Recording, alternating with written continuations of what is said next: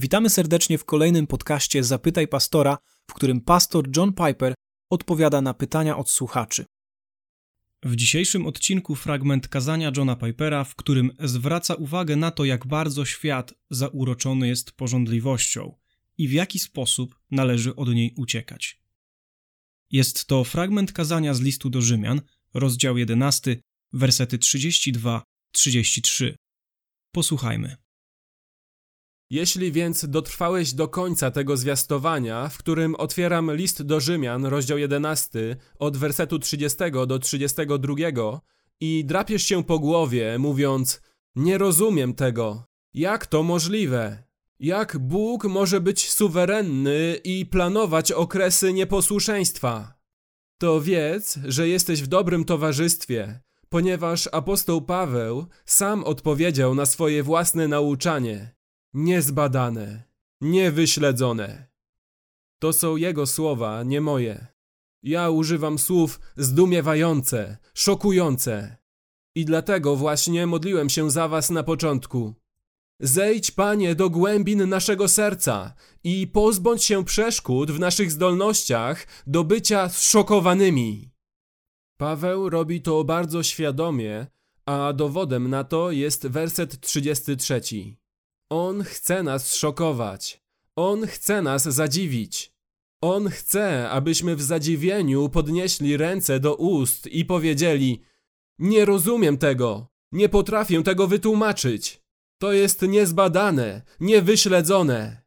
Paweł chce, abyśmy znaleźli się w takim stanie. Więc jeśli takie są Twoje odczucia, to nie miej żalu. Naucz się tyle, ile możesz z tego, co On daje.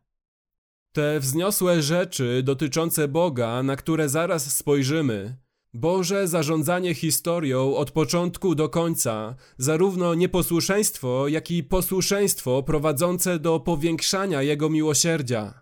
Te wzniosłe rzeczy są naprawdę ważne dla Twojego codziennego życia. Na przykład weźmy pod uwagę seks. Jednym z głównych powodów, dla których Ameryka i Kościół tonie dziś w morzu rządzy i pornografii, mężczyźni i kobiety popełniający cudzołóstwo, nieodpowiednie zachowania seksualne, masturbację, ekshibicjonizm, homoseksualizm, bestiarstwo, gwałt i seksualne insynuacje na praktycznie każdym ekranie. Jednym z powodów, dla których my, uwzględniając Kościół, jesteśmy zalani i toniemy w tym morzu, jest to, że jesteśmy intelektualnie i emocjonalnie odłączeni od nieskończonej, oszałamiającej duszę Bożej wspaniałości. A zamiast tego toniemy w morzu trywialności, małostkowości, banalności i głupoty. Ogólnie rzecz biorąc, straciliśmy naszą zdolność do bycia oszołomionymi przez Bożą wspaniałość i żyjemy na niskim poziomie psiej rui. Telewizja jest trywialna, radio jest trywialne, rozmowy są trywialne, edukacja jest trywialna. Chrześcijańskie książki są naciskane przez wydawców, aby były trywialne. Sposoby uwielbienia stają się coraz bardziej trywialne. Próbujemy być zabawni, aby wszyscy czuli się komfortowo, ponieważ tak właśnie czują się oglądając telewizję, a jeżeli w naszych żartobliwych kościołach mogą poczuć się komfortowo, to może do nich wrócą. Straciliśmy zdolność bycia oszołomionymi przez przerażająco radosny strach i pokój nieskończonego, wszechobejmującego Boga. Życie jest po prostu nudne, monotonne. A kiedy istota stworzona przez Boga, aby żyć w obecności Boga i być oszołomioną przez chwałę Jego nieskończonej mocy, sprawiedliwości, mądrości, prawdy i łaski, kiedy ta istota pływa w oceanie trywialności, to musi stać się tak, że zadowoli się ona najlepszym dostępnym uczuciem entuzjazmu, a jest nim seks.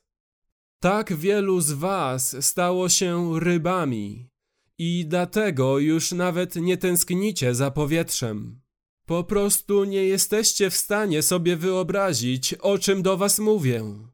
Że jest inne powietrze, którym można oddychać, jest inny poziom radości, jest inne doświadczenie wspaniałości i wielkości oraz oszałamiającej, zamykającej usta, niezbadanej, niewypowiedzianej Bożej prawdy.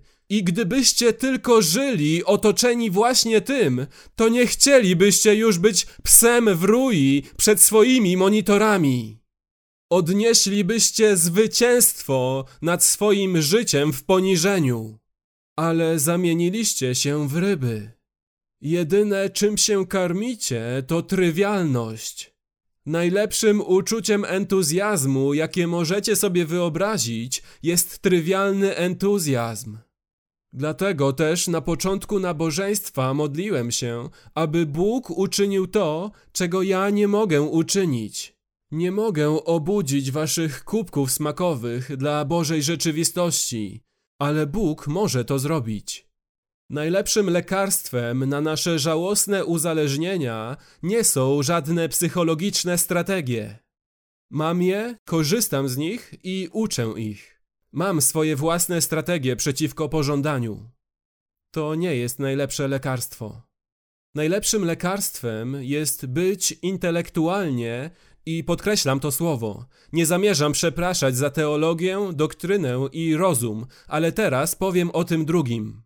Najlepszym lekarstwem jest bycie intelektualnie i emocjonalnie oszołomionym przez Boga. Istnieje ta ogromna, amerykańska, pragmatyczna presja, aby nie tworzyć kościołów w ten sposób, aby nie pisać książek w ten sposób, aby nie grać muzyki w ten sposób, ale aby utrzymywać wszystko na niskim, gadatliwym, wygodnym, głupawym, trywialnym i mało znaczącym poziomie. To jest tak smutne. Seks jest jedną ze stu spraw, które cię przytłoczą i upokorzą, jeśli twoje życie będzie pozbawione więzi ze wspaniałością Boga. Zrobię wszystko, co w mojej mocy, by was oszołomić, ponieważ czuję się zobowiązany przez Pismo Święte, by pomóc wam dotrzeć do wersetu 33 emocjonalnie. O głębokości bogactwa, zarówno mądrości, jak i poznania Boga. Nie rozumiem tego. To jest niezbadane, Jego drogi są niezbadane. Jego myśli są dla mnie nie do pojęcia. Opuszczam głowę w pokłonie, kładę rękę na swoich ustach, uniżam się. Kocham tego Boga. Nie będę po prostu siedział przed monitorem i patrzył. Wstanę, wyjdę na zewnątrz na mróz, spojrzę w górę i powiem: Niebiosa głoszą chwałę Boga, uczyń mnie czystym. No dalej, obudź się do rzeczywistości. Nie żyj w oceanie trywialności, pływając dookoła, bojąc się powietrza. Bądź mężczyzną, bądź kobietą, nie psem w rui.